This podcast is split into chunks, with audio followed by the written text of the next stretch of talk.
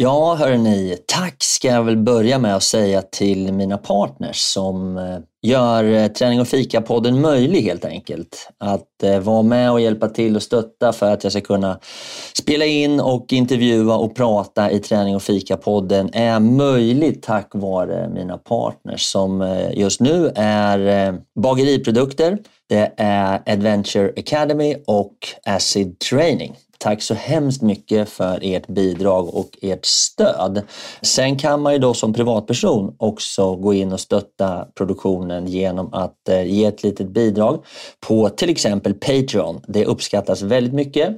Där kan du välja mellan att köpa en kaffe svart eller lägga lite mer pengar och köpa en kaffelatte och så fortsätta hela vägen upp till en riktigt härlig brunch. Så ja, tveka inte. Gå in och stötta lite. Det behövs och jag blir glad. Tack ska ni ha. Nu kör vi igång! Have catch yourself eating the same flavorless dinner three days in a row? Dreaming of something better? Well, hello fresh is your guilt free dream come true baby. It's me, Gigi Palmer. Let's wake up those taste buds with hot juicy pecan crusted chicken or garlic butter shrimp scampi. Mm. Hello Fresh. Stop dreaming of all the delicious possibilities and dig in at HelloFresh.com. Let's get this dinner party started. I'm Sandra, and I'm just the professional your small business was looking for. But you didn't hire me because you didn't use LinkedIn jobs. LinkedIn has professionals you can't find anywhere else, including those who aren't actively looking for a new job but might be open to the perfect role, like me. In a given month, over 70% of LinkedIn users don't visit other leading job sites. So if you're not looking on LinkedIn, you'll miss out on great candidates like Sandra. Start hiring professionals like a professional. Post your free job on linkedin.com/people today. Hey, it's Ryan Reynolds and I'm here with Keith, co-star of my upcoming film If, only in theaters May 17th. Do you want to tell people the big news? All right, I'll do it. Sign up now and you'll get unlimited for $15 a month in six months of Paramount Plus Essential Plan on us. Mintmobile.com slash switch. Upfront payment of $45 equivalent to $15 per month. Unlimited over 40 gigabytes per month. Face lower speeds. Videos at 480p. Active Mint customers by 531.24 get six months of Paramount Plus Essential Plan. Auto renews after six months. Offer ends May 31st, 2024. Separate Paramount Plus registration required. Terms and conditions apply if rated PG. Tänk om att göra många små äventyr över tid. Göra någonting nytt varje dag under en lång period. Tänk om det kunde leda till samma effekt som jag hade sett i min forskning kring idéer och kreativitet.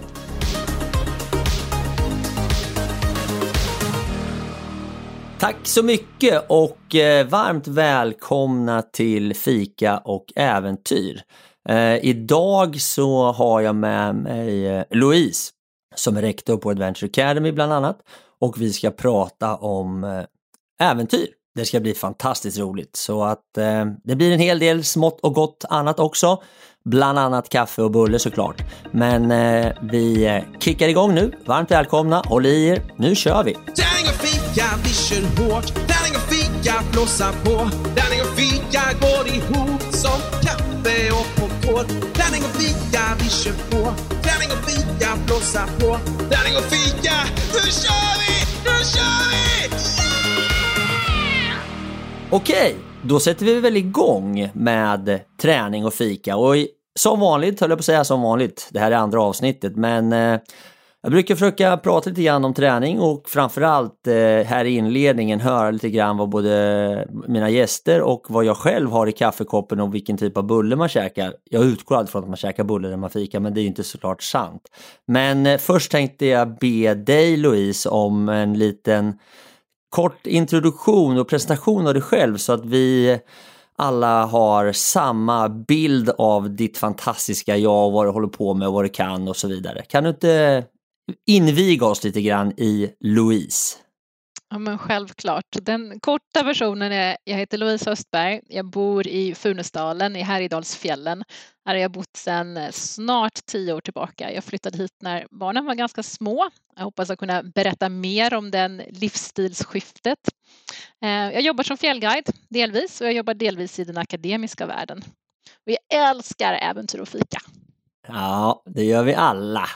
Du, eh, för att hoppa vidare då så tänkte jag höra lite grann. Eh, har du gjort något kul i helgen? Uppe i Ja, men det Funäs? har jag. Ja, jag har haft en så skön helg. Jag har varit bortrest ganska mycket de senaste två veckorna, så nu har jag äntligen fått landa hemma. Det har varit fantastiskt fint väder. Jag var ute och sprang på fjället igår med min hund och idag så fick jag med mig min yngsta dotter som är 12 år, Astrid, ut på fjället. Och det är en bedrift att få med sig en eh, preteen ut på fjället. Men du har en hund också, var, var lilla Voved med? Ja, hon är alltid med. Hon älskar att vara på fjället. Det är därför Vad man har är det för sorts, för att eh, vad är det för sorts du har? Jag har en labrador pudelkorsning, så det är en blandras. Den kan springa hur länge som helst eller? Ja, men jag tror faktiskt det. Hon bangar liksom inte 30 kilometer längdspår, men hon är helt okej med att bara ligga hemma ja, framför brasan flera dagar om det skulle vara. Inga krav på aktivitet, men hon älskar det. Hon tycker om att fika också alltså? Hon gillar att fika. Härligt. Hörru du, eh, Louise, vad dricker du på våran fika idag? Ja, men idag dricker jag faktiskt te. Och det gör jag ganska ofta. Jag är mycket Är av en tedrickare. Ja, jag är mycket av en tedrickare. Vad, vad är ditt favoritte? Ehm, jag dricker nog nästan allt utom svart te. Så mycket örtteer och grönt te blandat med olika smaker. Det här är någon slags, eh, ja det är någon blandning, det är väldigt fruktigt, Men vänta, vänta. vänta. dagens te. Svart te, det är väl sånt som hela England dricker, är det inte det? Ja, men jag dricker verkligen allt utom svart te. Jag har aldrig mjölk i teet och jag dricker inte svart te. Hmm. Det var ju bra. Mm. Jag hörde, jag hörde faktiskt en, en undersökning, för det var ganska många år sedan, så hade de, gjort, så hade de forskat på liksom hur människor mår i olika länder och då hade de ja, gjort det på massa länder som jag fattar det som, men de hade då bland annat jämfört Japan och England, någon typ av så här allmän hälsotillstånd. Och det var inte föga förvånande att, att japanerna mådde lite bättre än engelsmännen rent hälsomässigt.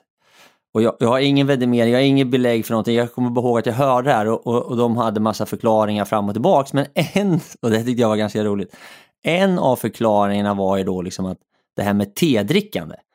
I Japan dricker man ju mycket te och det gör man ju i England också. Men den stora skillnaden som de då landade i här, just gällande den delen och hälsan, var att japanerna skulle ju aldrig överhuvudtaget ens fundera på att slänga i mjölk i teet. Eller någonting annat, honung. Och eh, det är ju britternas eh, favoritvariant. Så den konstaterar de att det var en ganska stor skillnad på just den lilla detaljen i deras konsumtion av te. Ja, men jag tror jättemycket på det där. Jag tror faktiskt att grönt te är riktigt hälsosamt. Honung är också rätt så hälsosamt. Men man, om jag har förstått det hela rätt så tar man ju död på näringen i honungen om man stoppar i det varma teet. Så honungen kan man ju äta på skeden och sen dricka grönt te bredvid. Om det ska vara någon sant? hälsopoäng med. Sen kan man ju dricka te för att det är gott i och för sig också. Säg det till en engelsman så kommer man att kolla snett på det. Vad ska jag sitta och slicka på honungsskeden liksom? Ja, men du, eh, på bullfronten då, hur ser det ut där idag? Alltså jag måste göra dig besviken här för jag käkar inte bullar. Så att idag har Va? jag faktiskt bakat en banankaka. Ja, men det är gott. Mm, den är supergod. Alltså det måste jag få vara tydlig med att säga. Man behöver ju inte äta bulle för att det ska bli en bra fika. Man kan ju äta vad som helst. Det är helt rätt. Jag äter ju extremt sällan bulle faktiskt. Men jag bakar gärna och bakar ja, men kanske lite annorlunda. Mina ungar gillar inte riktigt det jag bakar. Det är för lite socker och vetemjöl i det. är det sant? Den här nämnda 12-åringen, min preteen som inte vill hänga med på äventyr, hon tycker ju att eh, mina bakverk smakar gräs. Nej. Åh. Men det, jag tänker att det där kommer. Så småningom så kommer hon känna, mamma kan inte du göra det där nyttiga åt mig? Ja, ja men Kanske. det är bra. Hon har med sig det bagaget så det kommer, så, det kommer säkert bli alldeles utmärkt. Hörru du, vet du vad? Jag dricker ju kaffe och jag dricker ju alltid kaffet svart och idag dricker jag en sån här Arvid Nordqvist variant som heter Grandia tror jag han hette och den är väldigt, väldigt god eh, och jag är väldigt nöjd med mitt svarta bryggkaffe. Jag gillar att va- dricka vanligt svart bryggkaffe och jag ändrade faktiskt på det här för kanske fem år sedan. Fyra, fem år sedan så ändrade jag från att alltid dricka mjölk i kaffet och latte och allt möjligt sånt där till att bara dricka svart kaffe. För jag trodde jag skulle känna smaken mer och förstå, liksom komma djupare i min kaffedrickning och så vidare. Jag är inte riktigt säker på att jag lyckats så bra med det här. förlåt. Det är Ja, det- roligaste jag hört idag. Ja, men eh, jag, jag har väl jag känner viss skillnad på olika typer av kaffe, självklart. Men, jag har framförallt börjat gilla bryggkaffe. Ja, jag har en liten rolig kaffehistoria. Jag har ju faktiskt inte druckit kaffe nästan alls på fem år. Men sen var jag på yoga-retreat i våras och då började jag dricka kaffe. Folk brukar göra sant? precis tvärtom och sluta med alla så här onyttiga saker, om nu kaffe är onyttigt. Eh, Men jag började dricka kaffe med havremjölk, sån barista havremjölk i. Mm, det är faktiskt... Så nu dricker jag nog en kopp sån nästan varje dag. Är det sant? Mm. Det var ju fantastiskt. Gud vad roligt på, ett sånt, på en sån, ett sånt ställe och, och ta till sig en sån i, i yogavärlden last som kaffe. Det känns ju helt underbart. Jag älskar sånt. Bra gjort! Välkommen Ja, ner i träsket, Tack, kaffeträsket. tack, tack. Men du vet vad jag har då? Jag har nämligen en bulle idag och den bullen har jag köpt på Steninge slott. Och, ja, och den, håller jag, den har jag här. Den är, alltså den är på, jag brukar försöka bedöma mina bullar på en skala 1 till 10. Den här bullen får en stark 8. Vad är det som De gör den så hade- bra då? Ja men alltså det, den är, om man säger så här att en bulle behöver ju ha flera lager och den ska liksom vara rullad många gånger och, och, och ju bättre bullar det är tycker jag, ju, ju mer smör är i dem och ju mer eh, kanel och sådana smakdelar är i den och att den har lite tugg, tyngd. Och jag käkade en bulle förra veckan här på förra avsnittet. Eh, och det var en vanlig bulle från, från Statoil, liksom, eller Circle K som det heter. Och det blir ju så här, ja men den är snurrad tre, fyra varv och lite socker på. Det blir så här, ja, det blir inte riktigt en, det kommer knappt upp till en femma. Den är god varm, den blir väldigt fort kall och lite tråkig. Men den här bullen då var, var fantastiskt god och eh, jag kommer mumsa på den här under tiden medan vi eh, kör det här programmet till gammal god stil. Så eh, det ser jag verkligen jättemycket fram emot. Men de hade faktiskt en bulle som jag egentligen hade velat tagit istället. Där man kan säga så här att en bulle för 39 spänn tycker jag är ganska dyrt. Det kan man ju hålla med Eh, om faktiskt. Ja, och, och en bulle på Startol kostar ju liksom kanske 15 spänn typ. Och det är såklart, man får ju det man betalar för. Men för, nästan 40 spänn för en bulle, då ska den ju vara gjord på mycket smör och det ska vara mycket gott i den och den ska väga lite mer än en vanlig fluffbulle liksom. Men det här är nog, jag, nog, alltså lite grann, jag skulle aldrig sätta i mig en, en eh, Circle K-bulle. Däremot så skulle jag kunna överväga att äta eh, den där 39 kronors riktiga bullen. För då är den liksom Ja. gjort på riktigt. Ja, alltså nu tycker jag det är värde i taskigt mot. Circle K fluffbullar, de Ja, är också jag goda. för. alltså, jag får nog stå upp lite grann för våra Circle K-bullar tror jag. Men jag håller, i- i grund och botten så håller jag med dig till 100%. Det finns för mycket dåliga bullar här i världen.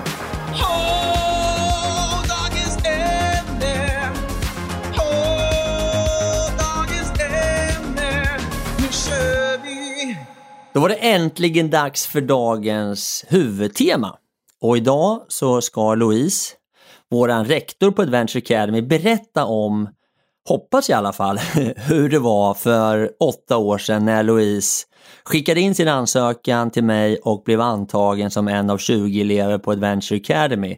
Så Louise, har du lust att sätta in oss i situationen då och ta oss fram till slutet på året när du var färdig och även då hur du har haft det där uppe i, i Funäs sedan dess? Ja men absolut, det här är ju faktiskt en av de absolut roligaste historierna jag tycker jag har att berätta om, eh, ja, men om en, en livsstilsförändring som jag har gjort och varför jag gjorde den. Eh, för att ta oss tillbaka då nästan tio år i tiden, åtta tio år, så levde jag då ett ganska vanligt eh, småbarnsmammeliv.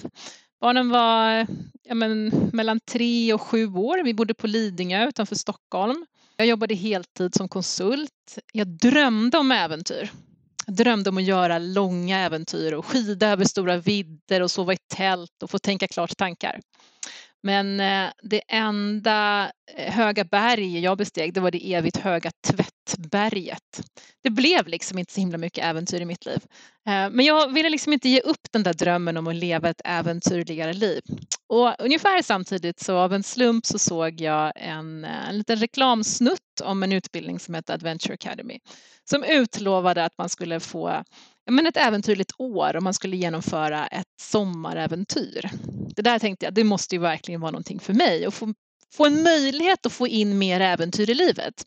Eh, ansökningstiden gick ut dagen efter så jag hafsade snabbt ihop en ansökan där jag skrev om mina drömmar om att skida över stora vidder och tänkte inte alls på att det här skulle vara ett sommaräventyr. Och, ja, jag höll mig inte alls till ramarna helt enkelt. Jag skickade in en ansökan och eh, tack Fredrik, jag fick komma på eh, Eh, en tryout då. Ehm, där ni var några stycken i juryn som skulle välja ut vilka som skulle få komma med på den här utbildningen. Och fram eh, tills dess då så skulle man också presentera sitt eh, drömäventyr som man skulle göra på den här sommaren som kom då som, som, en del i utbildningen. Och jag hade ju faktiskt lite, men jag var faktiskt rätt stressad innan den här tryouten för att jag visste ju inte vad jag skulle göra för äventyr. Jag hade inte tänkt ut något drömäventyr. Jag var ju mm, inte fast ska jag inte säga, men jag var ju eh, hemma med det där tvättberget. Liksom. Jag kunde inte dra iväg på något, jag varken kunde eller ville dra iväg på något långt, högt eller extremt äventyr. Men för att göra en lång historia lite kortare så i min forskning så forskar jag om hur stora, om hur många små idéer kan ge stora resultat. Och I min forskning så är jag övertygad om att många små idéer som genomförs kontinuerligt och över tid och som kommer från alla medarbetare. Det ger en organisation ett mycket bättre resultat än en stor innovation. Det var då jag kom på, tänk om samma sak kunde gälla äventyr. Tänk om att göra många små äventyr över tid. Göra någonting nytt varje dag under en lång period. Tänk om det kunde leda till samma effekt som jag hade sett i min forskning kring idéer och kreativitet. Tänk om att göra ett litet äventyr varje dag, säg i ett år, kunde göra så att jag fick en stor förändring i mitt liv. Så det blev faktiskt mitt äventyr som jag sökte till Adventure Academy med och kom in och började utbildningen.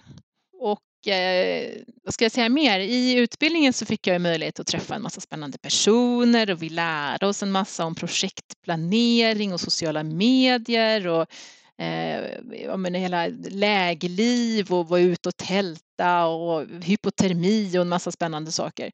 Och under hela tiden så gjorde jag ett litet äventyr varje dag. Och efter ett år så eh, hade det skett en rätt stor förändring i mitt liv faktiskt. Jag hade inte bara gått Adventure Academy, jag hade fått ja, men, examen som äventyrare där, men jag hade faktiskt gjort någonting som jag och familjen drömt om sedan lång tid tillbaka. Vi hade lämnat det här ekorrhjulslivet som jag tyckte att vi levde i Stockholm och flyttat till fjällen, flyttat till Funäsdalen, till Härjedalsfjällen. Jag passade även på att skola om mig så att jag eh, utbildade mig faktiskt till fjällguide så att jag kunde jobba också som guide på fjället. Så det var min väg in i Adventure Academy, att utforska då summa, om summan av många små äventyr kunde vara större än ett stort äventyr. Och för mig så var det verkligen det. Underbart. Du, eh, nu sitter ju jag och många andra, jag har ju lite mer koll i och med att jag var, råkar vara med, men vad, ta ett exempel på ett äventyr som du gjorde, eller några stycken, så man förstår ungefär på vilken nivå dina äventyr var på. Ja, men det, var, eh, det kunde vara att paddla kajak. Jag, eh, jag hade ingen egen kajak då, men jag hittade flera olika ställen man kunde hyra eller låna kajak. Jag eh, hakade på kompisar som hade kajaker så jag kunde låna en kajak. Att paddla varje dag på samma ställe med samma kajak, det skulle ju slut, det skulle inte vara ett äventyr längre. Så det var tvungen att vara en ny kajak eller ett nytt ställe för att det skulle räknas. Ehm, så det är ett typ av äventyr. Ta med barnen ut i skogen och laga mat kunde vara en annan sorts äventyr. Eller ta med någon som, eh, jag klättrade ganska mycket på den tiden.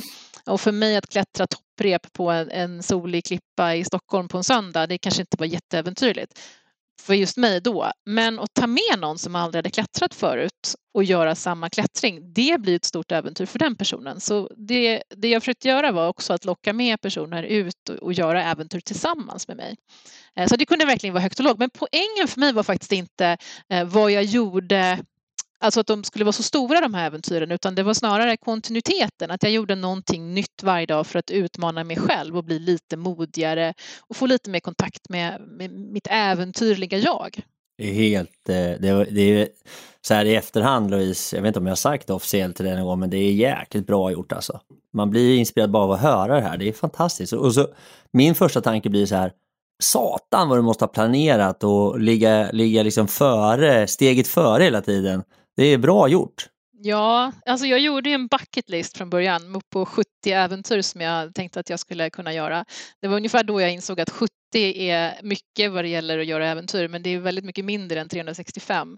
Eh, så det var ju några dagar det var lite stressigt. Men, eh, men alltså jag forskar ju om kreativitet och idéer så jag tror att det har hjälpt mig en del att försöka här, se möjligheter i stunden. Jag reste ganska mycket och kunna hitta, liksom, man åka ner en dag innan om jag skulle föreläsa i Borås och hitta något ställe man kunde rida islandshästar till exempel.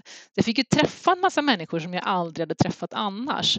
Skulle jag upp till Östersund och, och hålla någon kurs så hörde jag av mig till någon som kände någon som kände någon som kanske ville ta med mig ut på någonting. Så det var ett fantastiskt sätt att träffa nya människor och ha det här som, alltså jag hade ju mitt äventyrsprojekt som ett slags alibi för att våga ta kontakt med nya människor också. Ja, men det är underbart Louise, man blir ju verkligen inspirerad. Hörru du, eh, jag tänkte också att du kanske skulle berätta utifrån ditt perspektiv som rektor på Adventure Academy. Vem är Adventure Academy för och vad ska man förvänta sig och hur söker man och lite sådana här saker? Ja, men jag ska väl säga att Adventure Academy är för nästan alla. Bara man har en önskan att få mer äventyr i sitt liv så passar Adventure Academy för, för väldigt, väldigt många olika typer av människor. Vi har haft eh, elever som är allt från 17 år till 65 år, blandat tjejer och killar, även om vi de senaste åren faktiskt, sen jag blev rektor, har faktiskt fått in fler tjejer som söker än killar och det tycker jag är jätteroligt för traditionellt har ju äventyrsbranschen varit ganska manligt dominerad. Eh, vi har elever som gör alla möjliga typer av äventyr. Vi har haft någon som kanske nästan aldrig har sovit i tält innan. Vi har haft någon som har gjort väldigt många tältnätter innan. Och här eh, är ju det fiffiga att på Adventure Academy så får du möjlighet att planera och genomföra ditt eget drömäventyr. Och vad som är äventyr, det beror ju helt på dig själv. Liksom. Så du definierar äventyret själv och du ska stretcha dig, dina gränser för vad du känner dig bekväm med så att det liksom blir utöver vad ska man säga, en vanlig semesterresa. Eh, så Adventure Academy passar för, för väldigt, väldigt många som vill ha mer äventyr i sitt liv. Du får också möjlighet att få ett, ett riktigt bra nätverk av andra personer som gillar äventyr och friluftsliv genom att gå Adventure Academy. Ja, men det låter ju verkligen som att eh, Adventure Academy egentligen kan vara tillgängligt för merparten av eh, de som har någon typ av dröm om ett äventyr. Så det låter ju, det låter ju alldeles utmärkt. Hörru du, eh, om man nu kommer in, vad, vad, kan man förvänta sig då under ett år på Adventure Academy? Vad får man med sig och vart landar man och vad, vad händer? Ja, men I början av, av eh, Adventure Academy-året, vi brukar dra igång i oktober, så eh, så handlar det om att lära känna varandra i klassen. Det handlar om att lära känna instruktörerna. Det handlar om att få lite basintro till friluftsliv och lägerliv helt enkelt, navigation och så vidare. Sen är utbildningen upplagd med mellan 10 och 12 träffar där vi ses antingen en kväll eller en hel dag eller en helg eller en, en ja, nästan en vecka då med den sista examinationsövningen. Ehm, så det är ett år fyllt av äventyr där vi ehm, lär eleverna både om projektplanering, om sociala medier, om att nå ut med sitt äventyr, men även praktiska saker som hypotermi. Hur funkar man när, när, kroppen blir alldeles för kall eller alldeles för varm beroende på vad man ska göra för typ av äventyr. Vi klättrar, vi tältar, vi paddlar kajak eh, och gör en, en, en massa härliga äventyr tillsammans. Underbart. När söker man? Man söker när som helst. Skicka in din ansökan via adventureacademy.se så behandlar vi ansökningar. Vi tar in varje höst, men du kan söka när som helst till utbildningen. Då kommer de till dig? De kommer de till mig. Tältskvaller! Äntligen dags för en av de absolut bästa punkterna som vi har. Det är Louise Tältskvaller och den kör vi igång nu. Vad har du på paletten idag Louise? Ja, men idag har jag faktiskt ett, ett superangeläget ämne som kanske faktiskt inte är det allra roligaste men nog så viktigt. Vi sitter här i mitten av november och jag har precis varit ute på fjället hela helgen och det är sol och 10 grader varmt. Var är snön och var är vintern undrar jag. Eh, det kanske inte är det mest poppiga tältskvaller eh, den här veckan att ta upp men det är ju någonting som är superviktigt för oss faktiskt. För alla som gillar, ja, men som, som gillar våran värld men alltså som gillar äventyr, friluftsliv. Vi behöver ju våra årstider och vi behöver ha våran vinter. Och som det är nu här uppe i, i eh, eh Härjedalsfjällen i alla fall så i vanliga fall så har jag haft skridskosäsong isen har eh, frusit och vi har åkt skridskor eh, och sen har snön kommit och vi har bråkat skidor. Nu är vi ute på fjället i t-shirt. Vad är det som har hänt? Ja, det där är ju faktiskt eh, oroväckande. sorgligt och lite frustrerande. Jag eh, åker ju längdskidor och jag satt faktiskt och tittade i min lilla Strava eh, och såg att jag 2019 var i Högbo och åkte eh, skidor på Konstnö dock, den 3 november.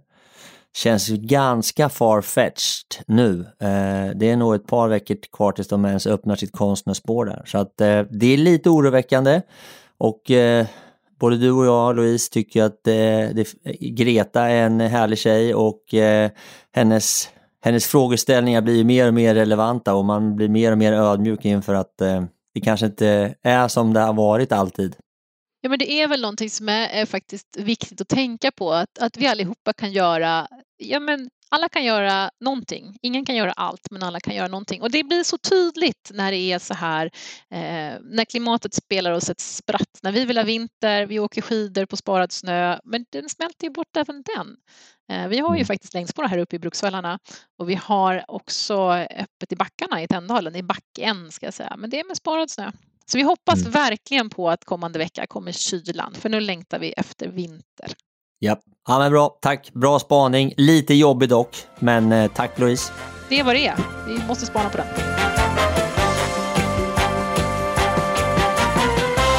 Utetips. Louise, utetips kallar till vad då Louise? Ja men det, igen då, vi pratar ju om eh, saker vi gör när vi har den här årstiden vi har. Nu är det november och det är mörkt tidigt. Man hinner ju knappt komma hem från jobbet eller hinner faktiskt inte komma hem från jobbet innan det är mörkt. Och då är det ju himla lätt att det blir så att man hamnar eller fastnar i soffan eller går på gymmet. Och inget ont om att gå på gymmet, jag går också på gymmet. Men det är ute jag gärna vill vara i alla fall. Och bästa tipset för att faktiskt ta sig ut är att köpa en pannlampa. För då blir det ju faktiskt möjligt att ta sig ut och göra äventyr även efter jobbet, även efter att skolan slutar, ta med sig ungar ut eller bara dra ut själv helt enkelt. Eh, så mitt utetips för den här eh, veckan är köp en pannlampa. Bra tips! Men jag då, som inte kan så mycket om pannlampor Louise, vad ska man tänka på om man ska köpa en pannlampa egentligen? Hur, vad kostar den? Hur bra ska den vara? Hur laddar man batteri? Det känns lite stökigt och sen är det inte skitkul att gå runt med en stor klump på huvudet heller. Nej, men alltså jag tänker att man ska tänka igenom vad man vill använda sin pannlampa till. Jag har ganska många olika pannlampor, men den jag använder mest, den är liten och den är uppladdningsbar. Den lyser inte, alltså jag skulle inte kunna köra, eh, köra mountainbike i en mörk skog och känna mig riktigt trygg med den, men det gör jag väldigt sällan. Eh, dessutom så brukar det vara vinter här så här år så då kör vi inte cykel i skogen längre. Eh, men en, en en ganska liten och enkel, helst uppladdningsbar. En viktig sak för mig det är faktiskt att den har ett rött ljus, att man kan ställa in den på rött ljus. För då kan man använda det i tältet och inte blända sin tältkompis och, så att man inte pajar sitt mörkerseende. Eh, men jag tycker att en bra pannlampa behöver inte kosta mer än 3, 4, 500 kronor. Eh, de här superduperlamporna som har flera tusen lumens och stora batteripack, det är faktiskt inte nödvändigt. Ja, precis. Vi har ju faktiskt en partner på Adventure Academy som heter Petzl som gör bra lampor. De är superbra lampor. De har ju också hela spannet. Allt ifrån väldigt enkla, lätta små pannlampor till de här äh, med, med flera tusen lumen och stora batteripack. Eh, men man får väl fundera igenom vad, vad, man vill använda sin lampa till. En pannlampa är dessutom himla bra. Jag bor ju i hus och ibland så går ju strömmen. Det är väldigt, väldigt skönt att veta vart jag har min pannlampa någonstans.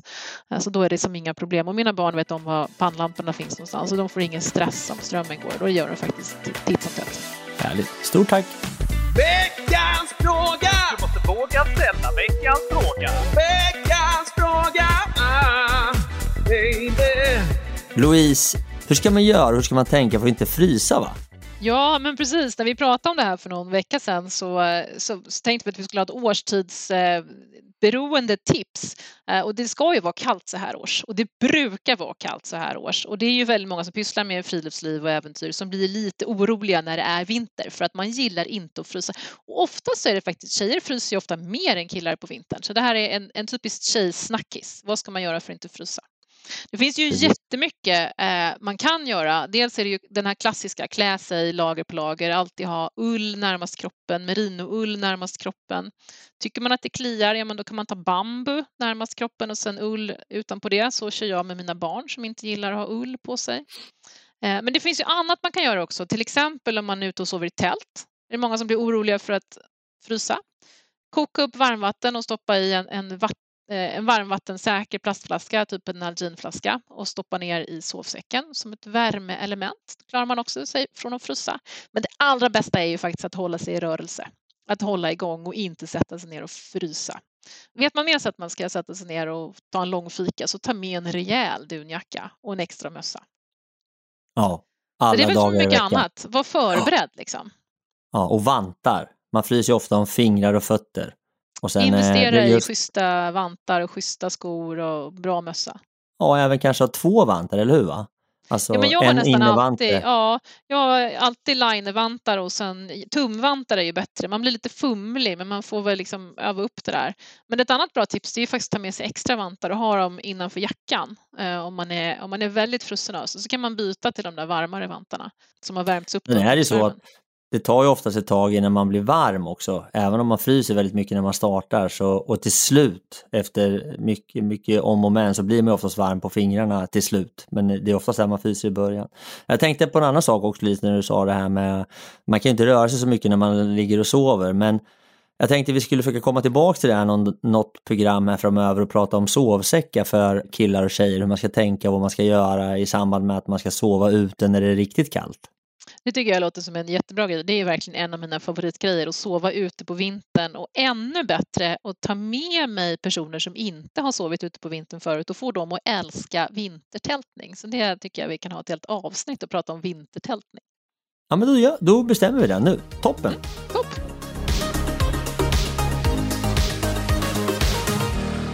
Det var det hela. Stort tack och stort tack eh, Louise för att du var med och förgyllde våran poddstund här.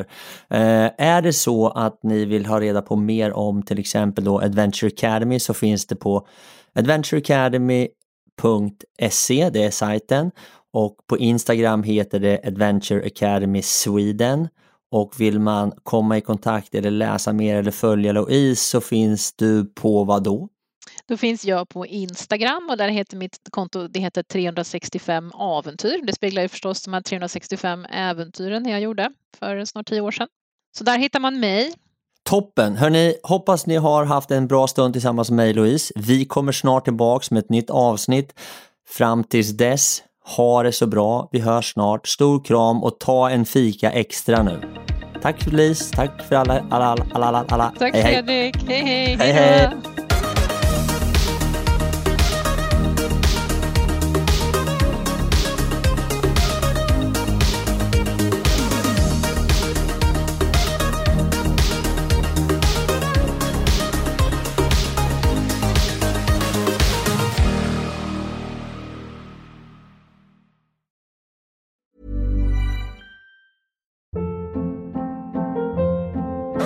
Hold up. What was that? Boring. No flavor. That was as bad as those leftovers you ate all week. Kiki Palmer here, and it's time to say hello to something fresh and guilt-free. Hello Fresh. Jazz up dinner with pecan-crusted chicken or garlic butter shrimp scampi. Now that's music to my mouth. Hello Fresh. Let's get this dinner party started. Discover all the delicious possibilities at hellofresh.com.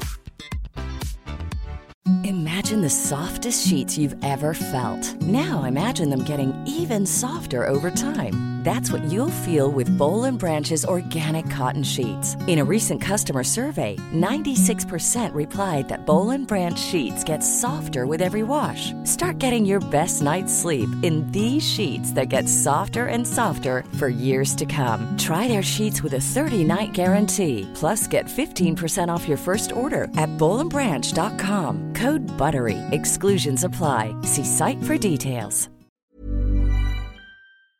Det var allt för den här gången hörrni. Och jag tänkte avsluta lite kort med att återigen tacka mina fantastiska partners och sponsorer som är Bageriprodukter, Acid Training och Adventure Academy. Och eh, återigen, har du en krona över eller är helt enkelt sugen på att bjuda på en kaffekopp så gå in på min Patreon och eh, köp en kaffe, en kaffelatte eller en hel brunch så kan jag fortsätta spela in podden, producera nya härliga avsnitt och eh, fortsätta att underhålla dig. Hoppas du har haft en fin lyssning och att vi snart hörs igen. Tack så mycket. Hej då!